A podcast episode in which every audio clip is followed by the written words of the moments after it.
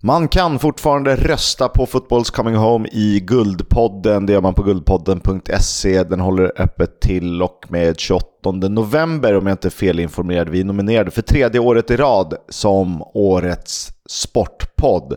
Och eh, 2024 i februari, slutet av månaden närmare bestämt, så arrangerar vi för andra året i rad vår eh, ja, numera årliga mm, EFL-podden-resa tillsammans med Nickes.com. Mm, vi gör ju det. Jag vill bara fastna där vid Guldpodden. att Det är ju väldigt kul, innan vi tar resan vidare, det är ju väldigt kul att vi är nominerade för tredje året i rad till årets sportpodd, men jag fattar inte att vi aldrig blir nominerade till årets Championship-podd. Det är helt sjukt. Hur kan vi inte bli det?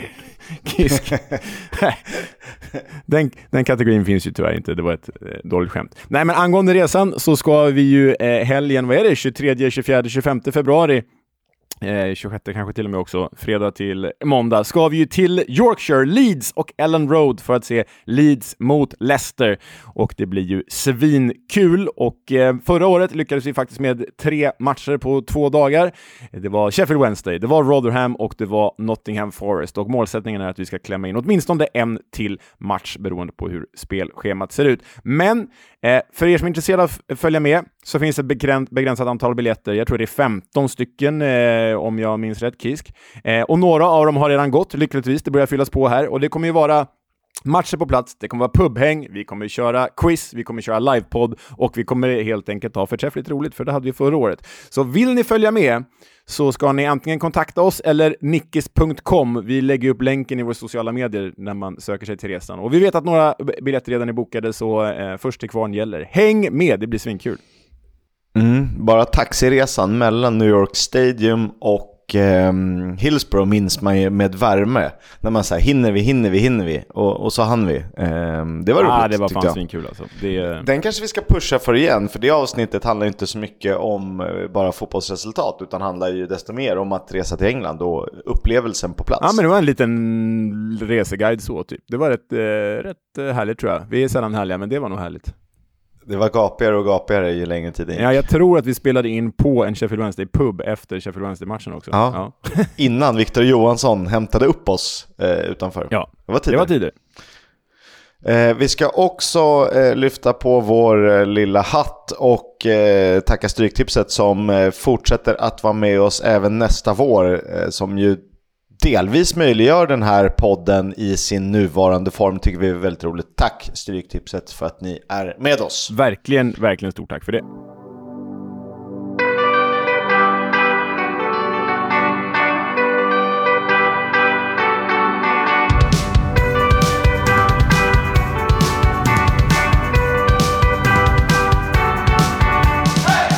Lyssnar på Footballs Coming Home, en podcast om Championship, League 1 och League 2 med mig, Oskar Kisk och Leonard Jägerskiöld Welander, alltid närvarande.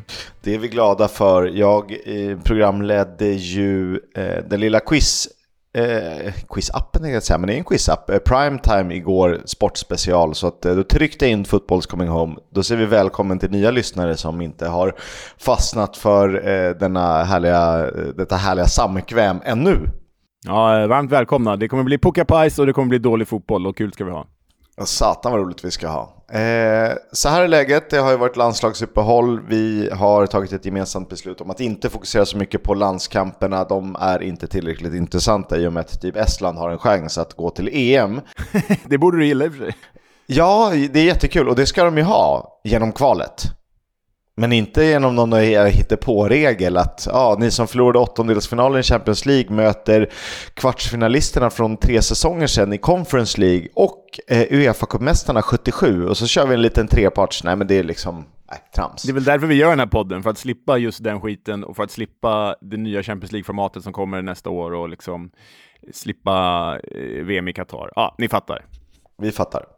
Eh, det vi istället väljer att djupdyka i är naturligtvis de League One-matcher som spelades i helgen och under tisdagskvällen. Den första till vår stora glädje mellan Blackpool och Shrewsbury Town och eh, det var ju överkörning på Bloomfield Road. Visst var det så att vi fick hjälp från någon av våra kära lyssnare hur man uttalar Shrewsbury Town eller Shrewsbury Town? Att båda fungerar. Båda är ja. okej. Okay. Att man i Shrewsbury så säger man Shrewsbury, visst var det så? Och utanför Shrewsbury så säger man Shrewsbury. Var det så om jag kommer ihåg rätt? Ja, jag tror att vi efterfrågade det här i sociala medier och fick en länk till en, en genomgång. Lite som Norrtullsgatan och Norrtullsgatan, även om det är betydligt mycket mindre. Eh... Har aldrig i hela mitt liv hört någon säga Norrtullsgatan. Jag säger Norrtullsgatan.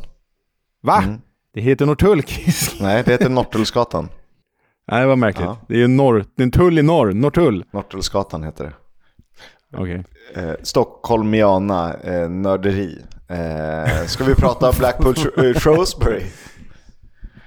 Det tycker jag. Um, tycker, innan vi går in på matchen här bara, jag tycker många stickspår från mig idag märker jag, förlåt, men jag tycker det är intressant vilka klubbar som faktiskt spelar under landslagsuppehållen. League 2 kör ju på liksom, men League 1 är ju inte alla eh, som gör det. Det är oftast bara två, tre matcher som spelar eh, när det är landslagsuppehåll.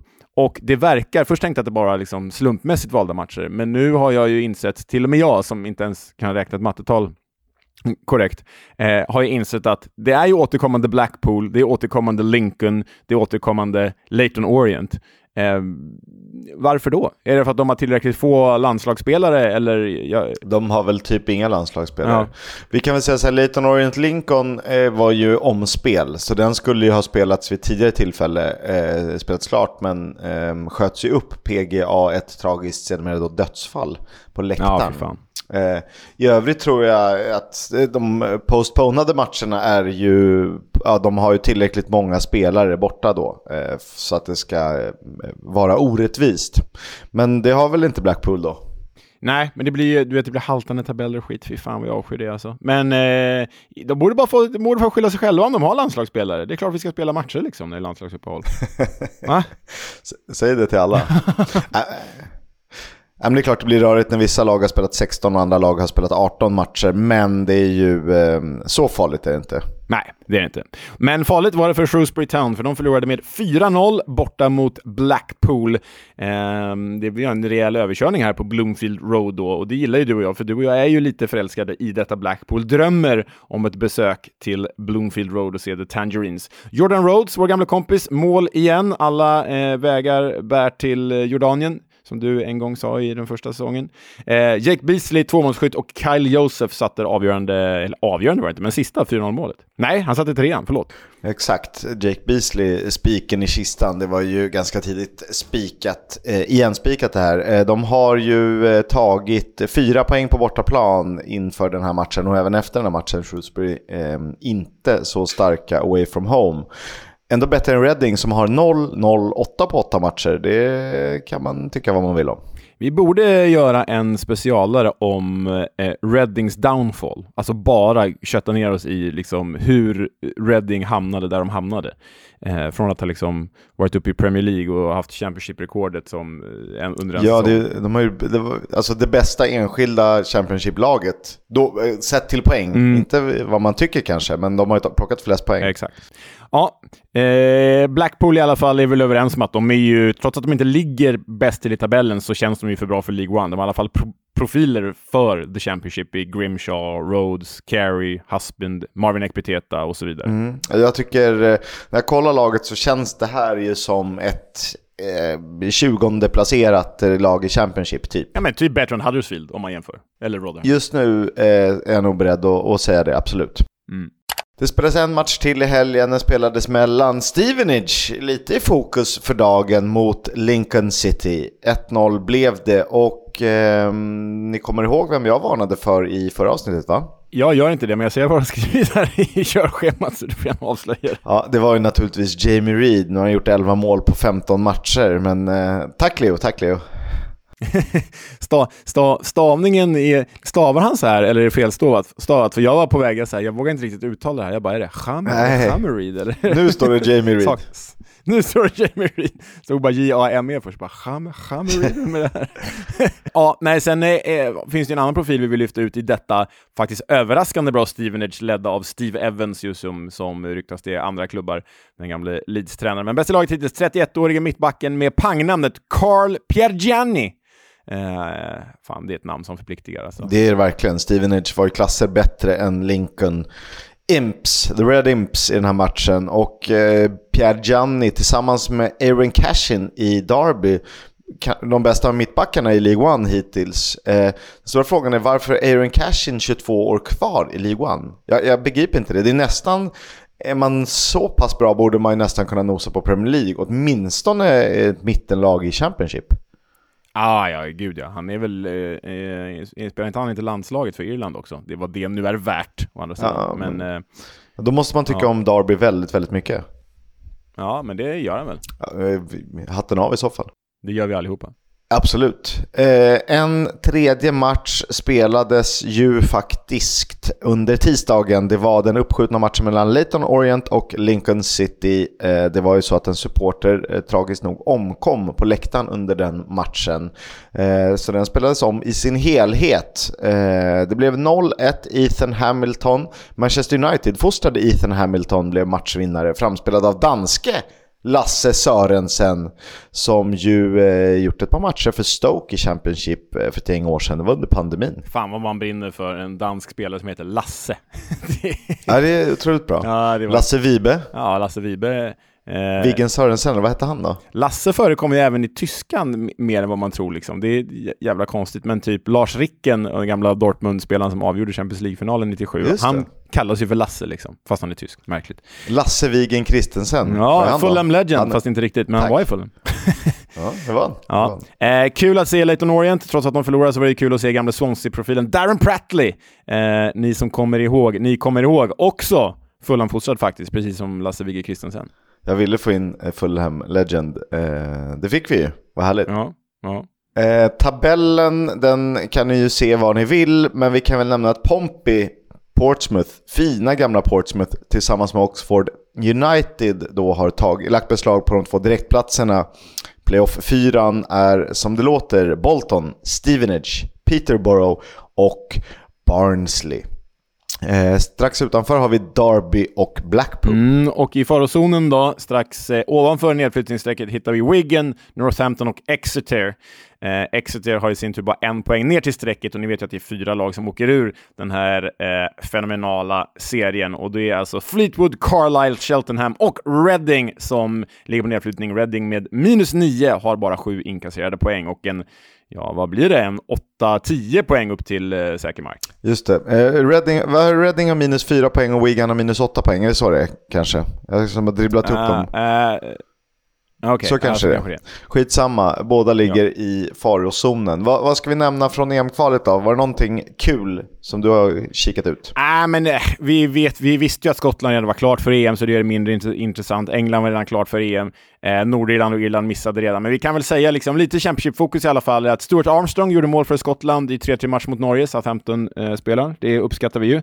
Ehm, eh, sen Sen var det faktiskt inte jättekul. Callum Robinson spelade från start för Irland där de förlorade med eh, 1-0 mot Nederländerna. Och sen vet vi alla att Ken Sema startade för Sverige mot Azerbajdzjan. Det gick ju tyvärr sådär. Vi gillar ju King Ken och hoppas på fortsatt eh, tid för honom i det svenska landslaget annars. Det gör vi naturligtvis i en, eh, ja det där var en tragisk historia till fotbollsmatch. Verkligen. Footballs Coming Home sponsras av Stryktipset, ett spel från Svenska Spel, Sport och Casino för dig över 18 år. Stödlinjen.se. Ja, men jag landar i match 7 den här helgen, Bristol City mot Middlesbrough. Och det här blir fasen en tuff Championship-nöt att knäcka på kupongen. Middlesbrough har börjat spela upp sig på nivåer där de egentligen hör hemma, men de möter ett rörigt Bristol City på ett rörigt Ashton Gate, dessutom med nye Liam Manning vid rodret. En manager som också jagar sin första seger i sin andra match för The Robins. Och jag tycker nog ändå att det luktar lite helgardering i den här matchen. Så jag, jag vill ha med krysset. Jag vill inte välja bort Borough, så där vill man ju eh, hålla lite koll närmare spelstopp hur tecknen ligger om man då ska jaga lite spelvärde. Eh, sen ska man alltid hålla koll på formstarke Sam Greenwood i gästande Borough och ständigt sevärde Anis Mehmeti i Bristol City amongst others. Leo, vad, vad ska man hålla koll på i helgen? Um på tal om Anis Mehmeti, kommer du ihåg den här härliga M-förfransan om Agon Mehmeti? Tunn som en rögadål, ändå så gör han mål. Agon Mehmeti. Agon Mehmeti. Och så vidare. Vi borde... Ska vi utlysa, utlysa en tävling här och nu? Den som kan göra en engelsk version av den ramsan om Anis Mehmeti. Den, Har inte jag gjort äh, det här? Jag vet inte. Jo, Har du det? jag tror att jag har gjort en dålig variant av det här. Jaha. Ja, Eller så, jag, var, så gjorde jag en eh, ramsa om någon helt annan. Det, det, Vi får söka. Kul är det i alla Ja. fall. Skicka in era förslag, se om det bräcker Kisks eventuella förslag.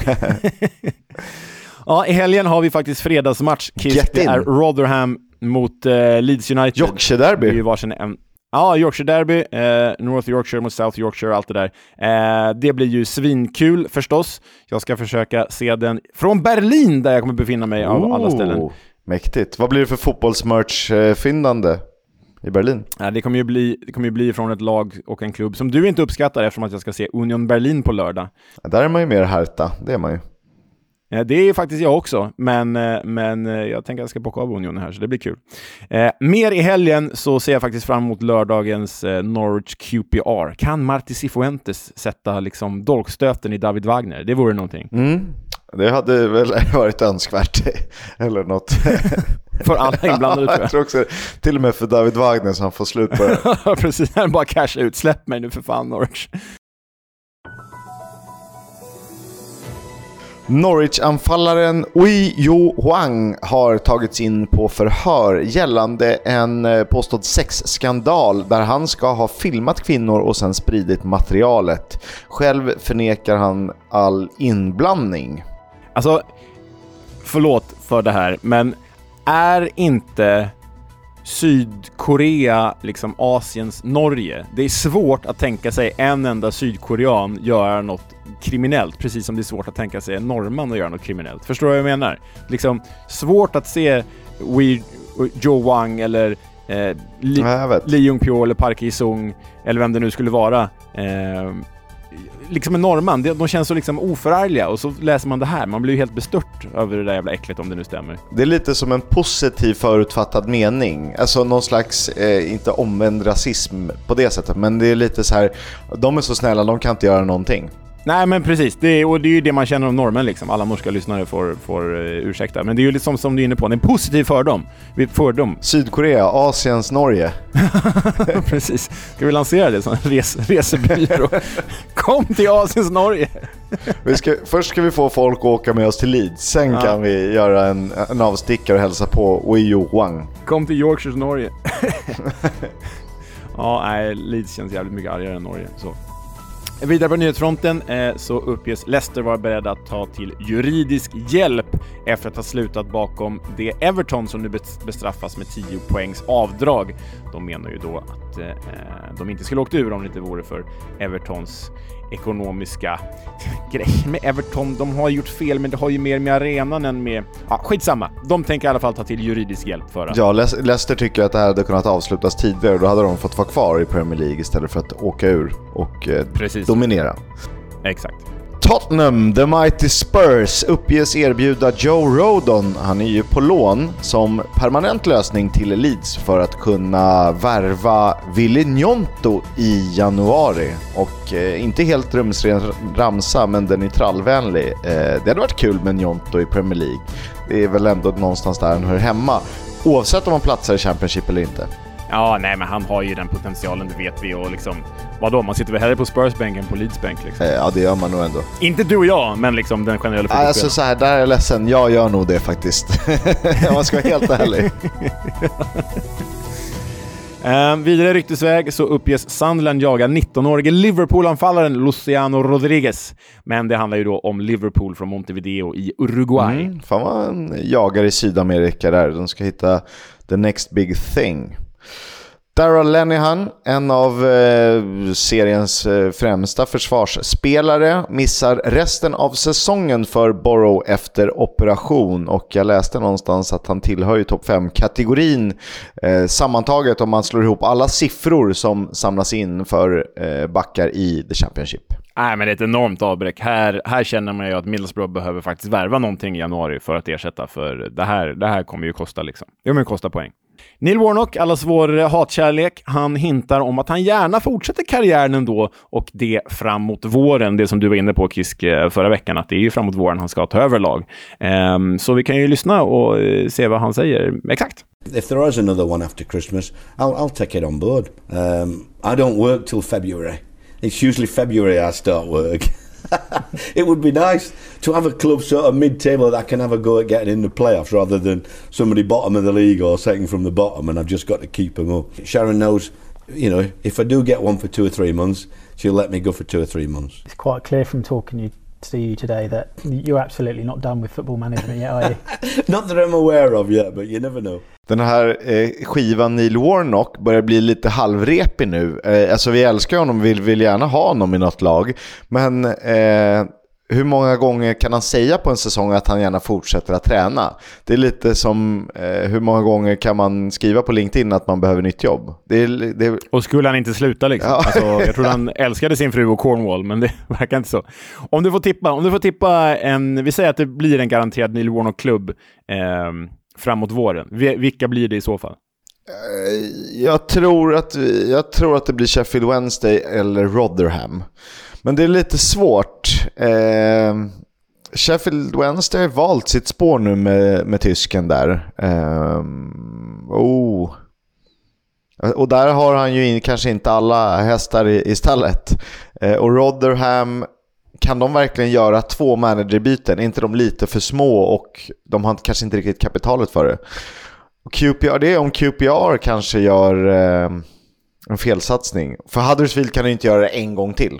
Nej, det vore ju, det vore ju all heder och stolthet för båda försvunnit då. Och han började ju surra om att han ville ha någon, någon playoff-utmanare. Och då, vad pratar vi då? Cardiff Middlesbrough? Det kan han ju glömma. Nej, det kan jag ju glömma. Alltså, eh, jag tror, jag slänger faktiskt in Birmingham i leken här. Jag ser att eh, framför mig att de bara fortsätter rasa under Wayne Rooney, vilket jag inte önskar, men det är vad jag tror. Och sen får de här jänkarna då göra eh, avbön framåt eh, februari-mars och bara ah, vi har panik, vi ligger på nedflyttningsstrecket. Vi bara in någon, ta in någon, in någon för att rädda oss. Och så blir det Warnock som styr upp det där. Fan vad det inte... Ja, det rimmar inte eh, schysst alltså. Nej, men så kan det bli. Jag har, vet vad, jag har faktiskt inget bra svar så här på rak arm. Är, mm, men jag gillar hur sättet du lanserar Birmingham på som eh, en rimlig kandidat. Det är ju eh, absolut rimligt. Och på tal om kandidater så har det ju snackats så mycket Steve Evans på sistone. Ska han ta över ditten? Ska han ta över datten? Ska han träna dem? Eller ska han stanna kvar i Stevenage? Och än så länge är han ju kvar och inte riktigt av den anledningen, men vi har återkommit till vårt eh, kära segment som vi kanske tycker om mer än någonting annat i, i den här podden. Det, det är The Club och återigen är det du Kisk. Jag vet att nästa gång är det min tur, eh, men ge oss Stevenage FC. Well, it's the time of year again, and we're near in May. A massive Stevenage bar of fans will fill Wembley Way. The memories of Morrow still hang in the air. And Boylan's last got effort to clinch the affair. Well, we've got Bosley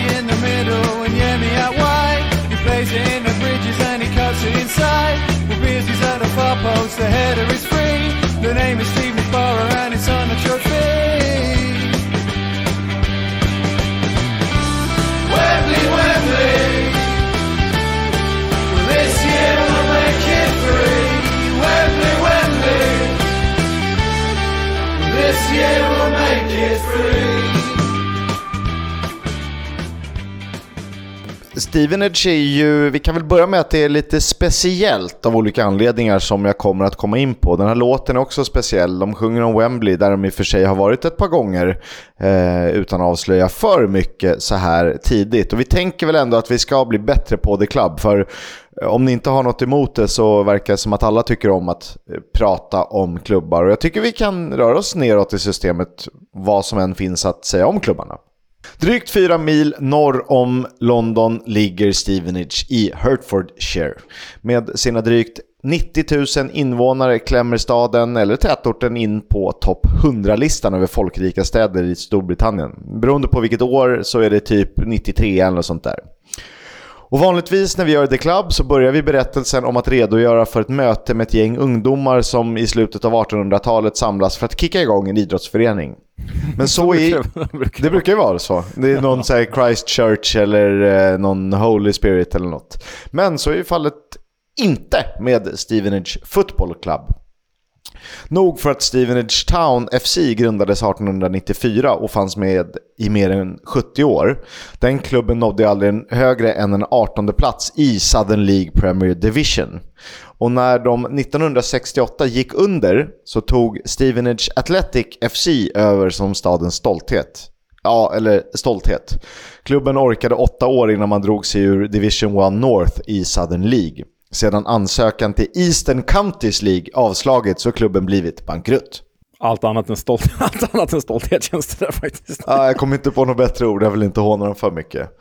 Det här hade också inneburit att kommunen sålt spelplatsen Broadhall Way till affärsmannen Javier Revuelta, tillika ex-ordförande i just Athletic. Men han valde att gräva upp gräsmattan eller liksom dra en stor skåra igenom för att säkerställa att det inte skulle kunna spelas fotboll på planen.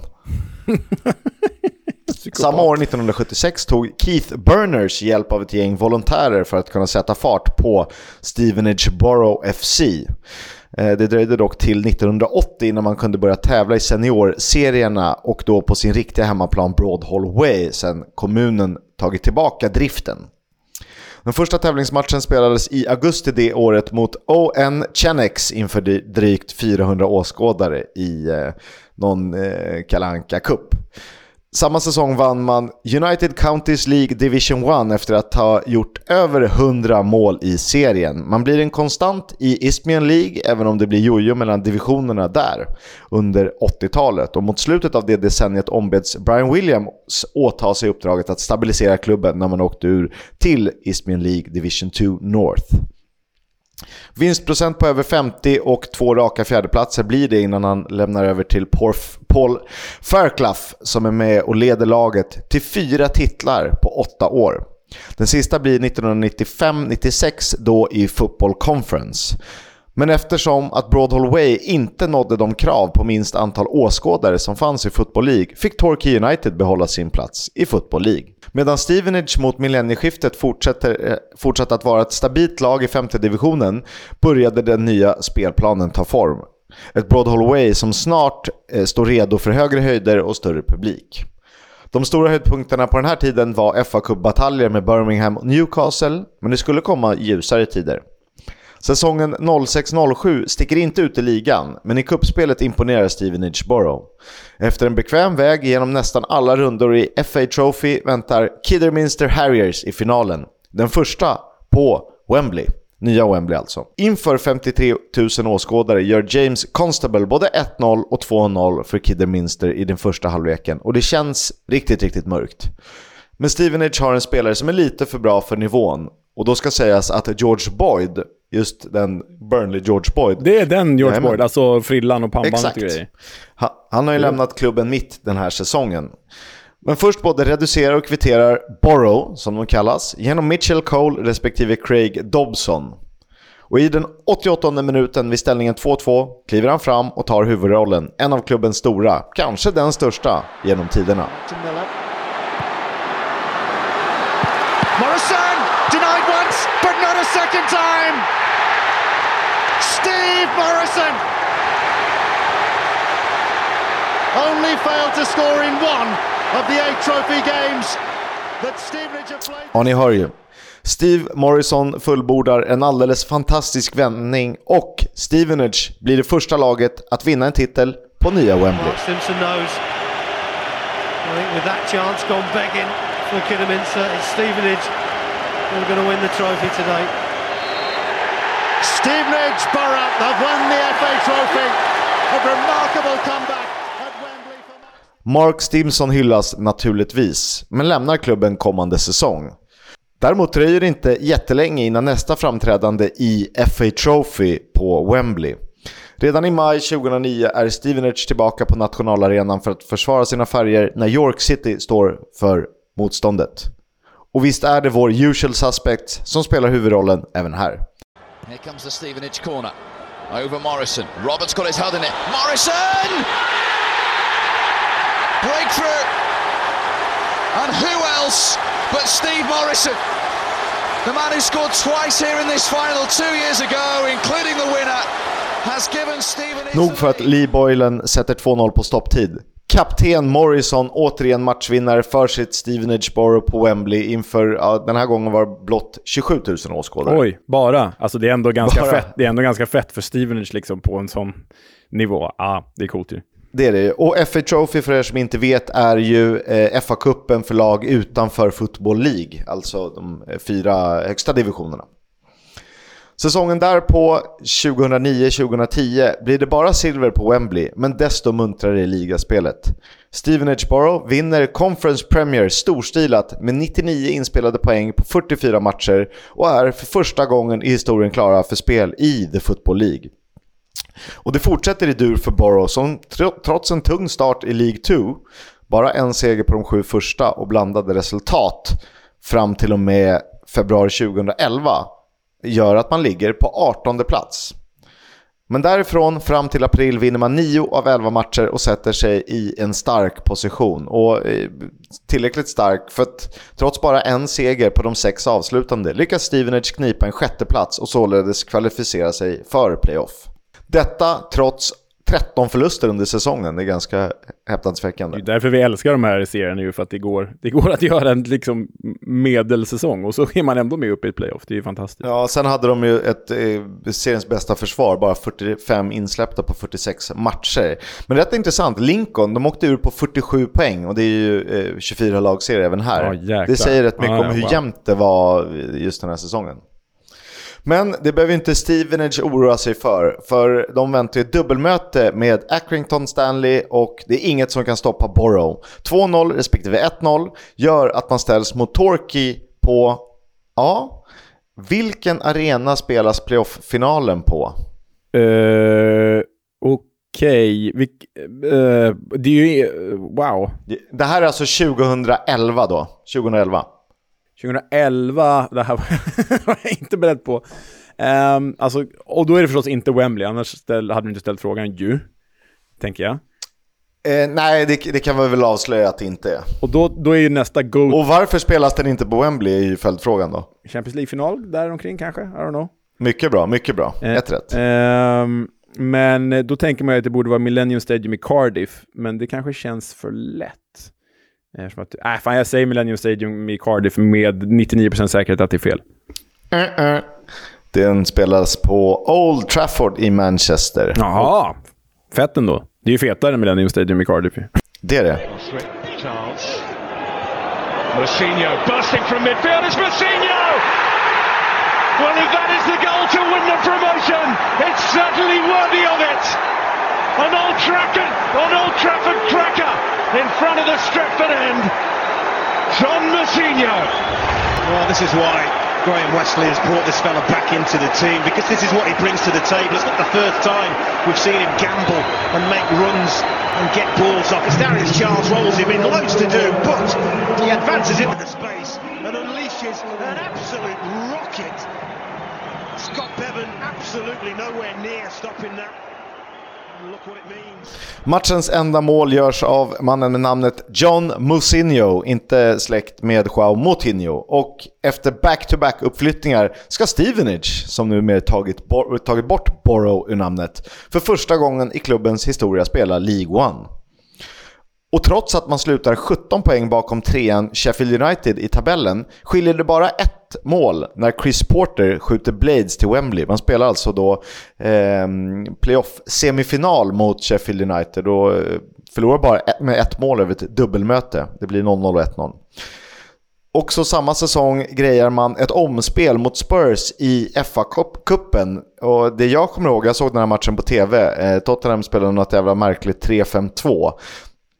Ja, det måste vara något så Harry Redknapp-projekt tror jag i slutet av hans era. Och eh, det var väldigt eh, familjär eh, stämning enligt rapporter eh, från plats. Vi, min kompis Mattias Bridfeldt som styr upp mycket av Spurs Sweden eh, snackar om att han har aldrig varit med om så familjär stämning. För jag tror att han skulle se eh, han var i stan av någon annan anledning i London och så ringde han typ till kontoret och sa hej, finns det några biljetter till matchen? Och de bara, ja, kan vi lösa här. Härligt. Och det var väl säkert ungefär så det var. Det kanske gick lite väl fort. Men sen faller Stevenage sakta men säkert tillbaka till en tillvaro som kanske rimmar mer med klubbens storlek. Man är ju på plats 107 i maratontabellen. Det är alltså insamlade poäng i spel i de fyra högsta divisionerna i Football League då. Förutom Matti Goddens 2016-17 och Ilias Cheirs utlåning under våren 2019. Eh, Ilias Cheir då, han spelar 16 matcher för klubben, noteras för 6 mål och 6 framspelningar. Klubbens dåvarande tränare Dino Mamria, som också spelat för Stevenage, säger följande. Ilias is the best player that has ever worn a Stevenage Football Club shirt. Eh, så bra var han. Fan vad både Stevenage och Cheir lyfter mina ögon för den här kombinationen. Det känns så jävla... det känns oväntat, det gläder mig. Förstår när han kommer till det där, det står ett stort cirkustält bakom arenan. Det är liksom tre rader från lägsta till högsta. Så bara, ja, här ska jag spela, jag är på väg till liksom högre höjder. Men men, det är klart att vi inte vill avsluta vår story där. Man eh, klarade kontraktet med 9 poäng och två placeringars marginal 2022 eh, i League One då. Och det var ju mycket tack vare Steve Evans intåg som manager under våren. Så inleder man ju kommande säsong i ett helt eh, annat tempo. League 2 alltså, förlåt. Eh, 10 segrar på de 13 första, vinst borta mot Villa i FA-cupen och Stevenage är döpt efter Steve Evans va? Är på gång. Antagligen. Eh, Man kunde inte riktigt rå på Leyton Orient i topp, men i slutet av april säkrades uppflyttning till League One igen. That is the full-time whistle. Stevenage are back in Sky Bet League One for the first time since 2014. To think that 12 months ago this side were just nine points from the relegation spots and now they are celebrating promotion a week before the end of the season. Ja, det var typ Stevenage fotbollshistoria och här står vi idag. Man ligger fyra i League One med väldigt god chans på uppflyttning naturligtvis. Eh, vad finns det för roligt om staden då? Ja, det var den första staden i Storbritannien med dedikerade cykelbanor. Det är platsen för några av David Bowies första spelningar. Dessutom eh, födelseplats för Lewis Hamilton, Jack Wilshere och Ashley Young. Och en fråga som jag antar att du tar. Beroende på hur man räknar så är Stevenage den tredje yngsta proffsklubben i Football League. Vilka två är grundade efter eh, Borough? Ja, men då är det ju definitivt eh, Milton Keynes. Ja. Ehm, och egentligen, det beror på hur man räknar Wimbledon. Räknar man liksom AFC Wimbledon som ett nytt Wimbledon, då är det ju det. Mycket bra. Applåder, applåder Kevin.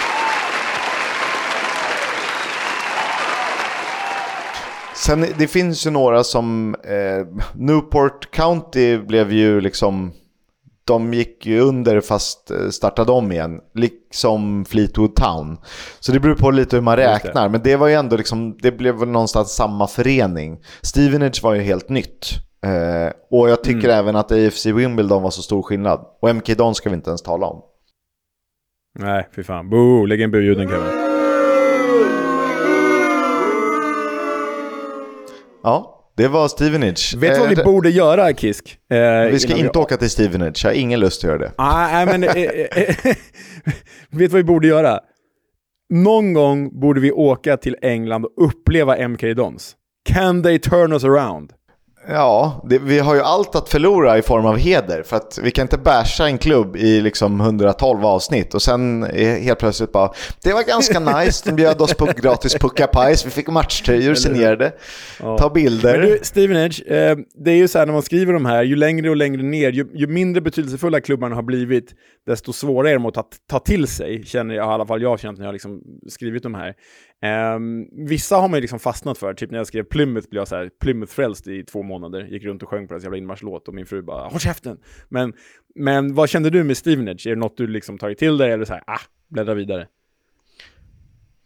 Alltså så här, de, har ju, de har inte gjort något fult övertagande. Det är att de inte haft någon fotbollskultur i staden. Förmodligen har det legat för nära London och för nära andra. Alltså det är inte jättelångt till Luton heller till exempel. Eh, Watford är inte vansinnigt långt heller. Dessutom har du ju London. Så att det har väl inte funnits någon fotbollskultur. Men det är väl roligt att, de, att lokalbefolkningen får ett lag även om de startar upp då så sent som 1976. Eh, men jag kan inte känna, alltså jag känner ingen, det är lite för modernt. Du vet de här kör eh, klassiska mallen av en rund eh, City Football Group, liknande logga eh, och sådär. Så att om jag var i London och det var det enda laget, eller närmsta laget, absolut värt att se för att kolla något nytt. Men det är inte... Jag känner inte att jag ligger på luren och bokar en resa nu. Jag bildgooglar Stevenage just nu, staden alltså.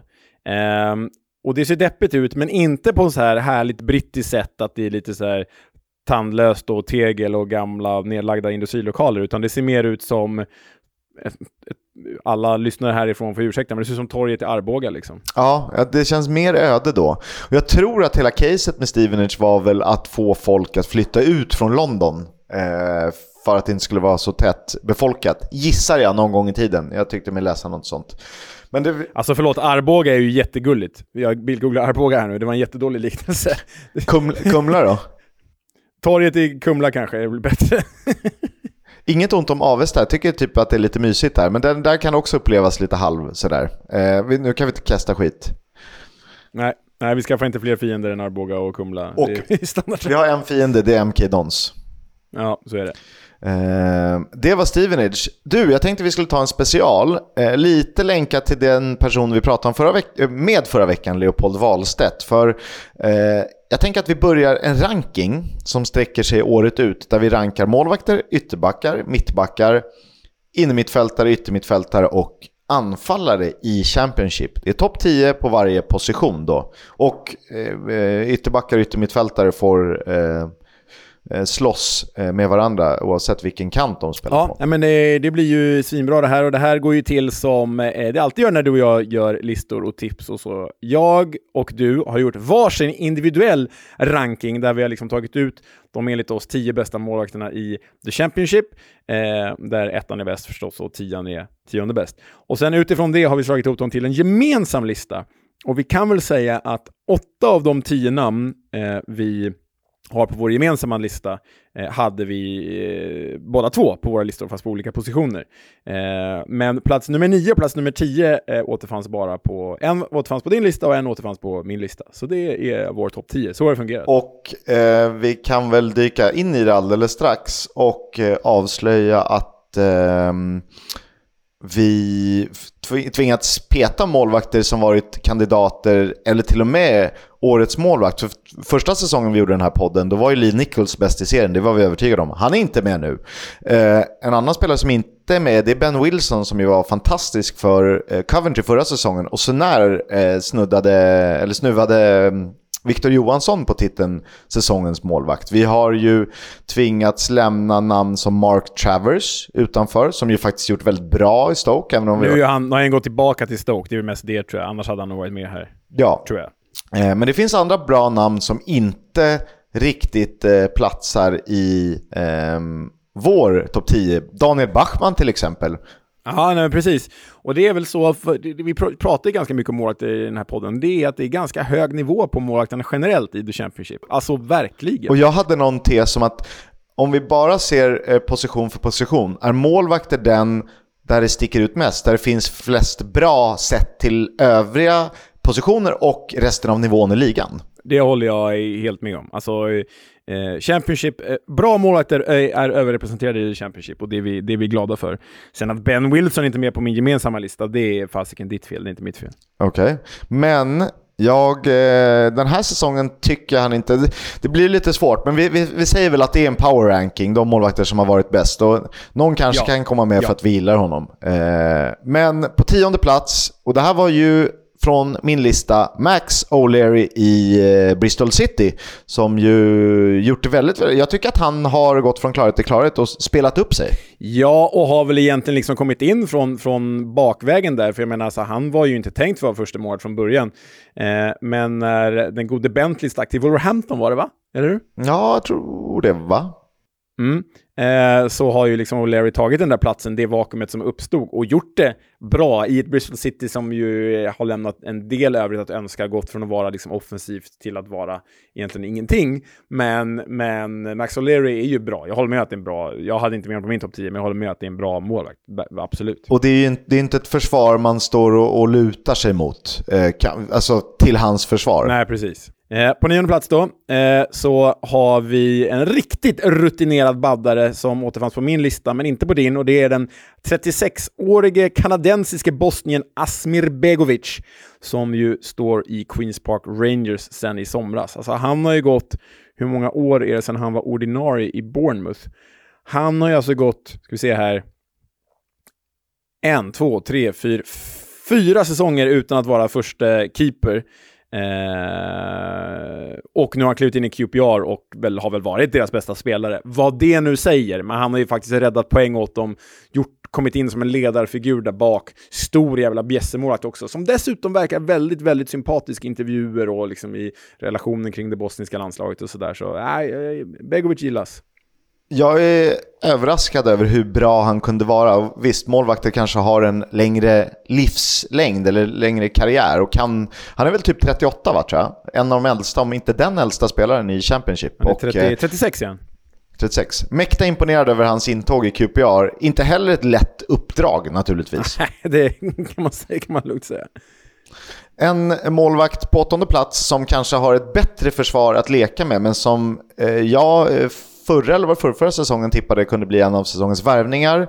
Som kommit från Newcastle in till Preston North End som ju har ett av de bästa sammantagna försvaren i Freddie Woodman. Och eh, han har ju blivit lite av en favorit och det är väl klart att det är skönt att, att ta ut honom när man en gång eh, eh pekade på att han kunde bli eh, eh en av de bästa värvningarna under säsongen. Kanske inte alla som håller med mig att han ska vara så högt upp.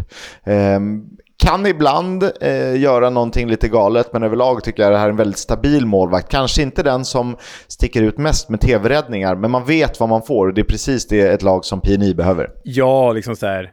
Den säkra sista utposten i det som har varit kanske den säkraste defensiven i hela ligan i två, två år. Så det är ju nej, det är en riktigt stabil pjäs. Inte så spektakulär, men stabil liksom. Eh, sen kommer vi till en gubbe här då som är den första svensken på listan. Eh, på sjunde plats hittar vi nämligen Leopold Wahlstedt. Och här tycker jag det är lite lurigt, för både du och jag har ju med honom på våra listor. Men han har ju spelat väldigt lite. Vad har han gjort? Åtta matcher för Blackburn hittills. Men, och det, och det kan tyckas vara ett väldigt litet urval, och det är ett litet urval.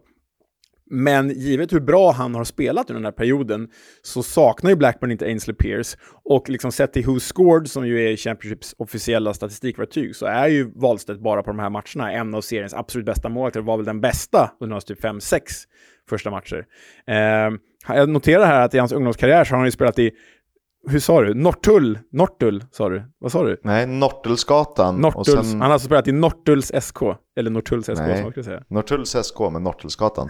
okay. det, har, det har jag också. Har, där har vi något gemensamt. Ja, stort. Eh, nej, men sen han kom från Odd i Norge så, och tagit platsen här så tycker i alla fall väl både du och jag att han gjort sig förtjänt av att vara i alla fall tredje spade i det svenska landslaget. Ja, men det, det finns inget att diskutera. Eh, och förhoppningsvis får vi väl se lite generationsväxling där Wahlstedt och Johansson båda är konstanter i blågult. För det för oss in på sjätte placerade målvakten i den här eh, rankingen som också är svensk. Han heter Viktor Johansson. Han är naturligtvis en poddfavorit för att han är sympatisk men han är också en väldigt, väldigt bra burväktare. Och han har väl förmodligen seriens sämsta försvar framför sig. Och hade det inte varit för honom så hade eh, Rotherham släppt in betydligt fler än de eh, kraftiga 32 som redan är insläppta. För han gör ju flest räddningar. Det gjorde han förra säsongen, det har han gjort den här säsongen. Så jag lider lite med honom över att han inte kan få lite mer hjälp. Och jag tror nog att han hade behövt röra på sig för sin egen skull så att han inte fastnar i ett Rotherham och blir bedömd alltså, på det. Vi var övertygade om att han var seriens bästa målvakt förra säsongen. I år har ju prestationen inte varit lika bra, men det är ju som du är inne på, beror ju mycket på att laget är betydligt sämre också. Jag tror att hade Alltså, Victor bara spelat i Stoke eller motsvarande klubb, det behöver inte ens vara en toppklubb. Utan hade han stått Stoke. i Birmingham med John Eustace? Hade varit ja, perfekt. Då hade, vi, då hade vi rankat honom som topp tre målvakt eh, den här säsongen. Det är jag övertygad om. Ja, det, det, blir lite... Nu har vi svenska glasögon på, men det blir lite orättvist. Eh, för jag tycker Rotherham är så dåliga sett till hur bra han är. Återigen ett bevis på liksom, att Championship har hög målvaktskvalitet. Och eh, då har vi då tagit in på topp fem, och här har vi en riktigt rutinerad rackare som har gjort det oerhört bra, både under John Eustace och eh, eh, under Wayne Rooney, även om resultaten gått sämre för klubben. Men det är ju allas vår John Ruddy, som man också trodde var slut, liksom Begovic. Man trodde att det var, eh, karriären var död, begraven och över, så har ju John Ruddy ännu mer än Begovic kommit tillbaka. Han är alltså ett år äldre än Begovic. Det är John Ruddy jag och du är Begovic då, 37 år gammal. Eh, gjorde ju alltså fem säsonger i Wolverhampton, där han var andra keeper, stod väl kanske en av de säsongerna.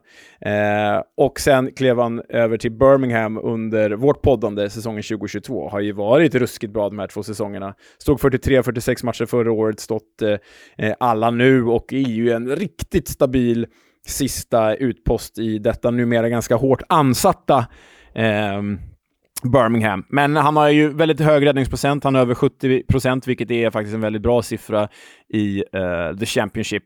Och eh, antal räddningar ligger han ju också eh, faktiskt ganska högt. Det är bara Victor Johansson som har räddat fler skott än John Ruddy den här säsongen, så därav honom på femte plats. Mm, fullt rimligt. På fjärde plats då, en eh, målvakt som vi inte hade så bra koll på inför förra säsongen, men ganska snabbt fick stifta bekantskap med. För när Carlos Corberan gjorde intåg i West Bromwich Albion och styrde upp skutan så var en hel del tack vare att Alex Palmer var fantastisk mellan stolparna. Sen blev han skadad, då föll West Brom mer eller mindre och eh, jag skulle vilja säga, hade han varit kvar hade de spelat playoff. Eh, det är jag ganska övertygad om. Och han har fortsatt med samma takt, han har högst eh, vad heter det? hållna nollan-procent i, i hela serien. Han är en av de eh, bästa målvakterna, han släpper in bland nästan färskt. Äh, det är bara några, det är bara eh, tre målvakter som släpper in färre mål per 90 minuter. Och eh, dels tycker jag att han styr och ställer bra, han kan göra viktiga räddningar, men han känns som en stabilitet och trygghet bakåt som ett lag som West Brom verkligen behöver. Och eh, när han spelar så är Baggis mycket mer kompletta. Mm, jag kan bara instämma i allt. Det känns som att han är avgörande för om de vinner sina matcher eller inte, Alex Palmer, faktiskt. Eh, på tredje plats, topp tre kandidater. Eh, första pallplatsen så har vi danskt i Mads Hermansen.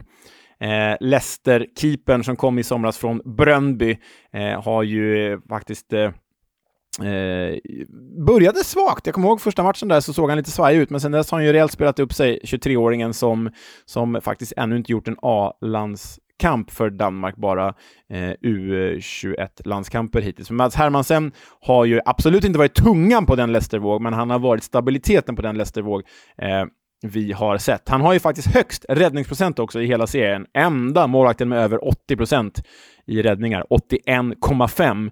Eh, och det är ju faktiskt jäkligt, jäkligt bra. Sen har han ju också ett försvar framför sig som gör att han inte behöver rädda så många bollar, även om han har räddat åttonde flest i serien. Så nej, Mads Hermansen, riktigt spännande keeper som vi tror på. Mm. Super, superbra insats. Tvåa på listan eh, blir ju faktiskt, eh, han var ju min trea, men det var Anthony Patterson i Sunderland som ligger förhållandevis högst i, eh, högt i nästan alla rankingar i den här och är en väldigt, väldigt skicklig målvakt för eh, ett Sunderland som nu jagar playoffplats och eh, placerar sig i topp 5 i alla fall när det är mål emot på 90 minuter.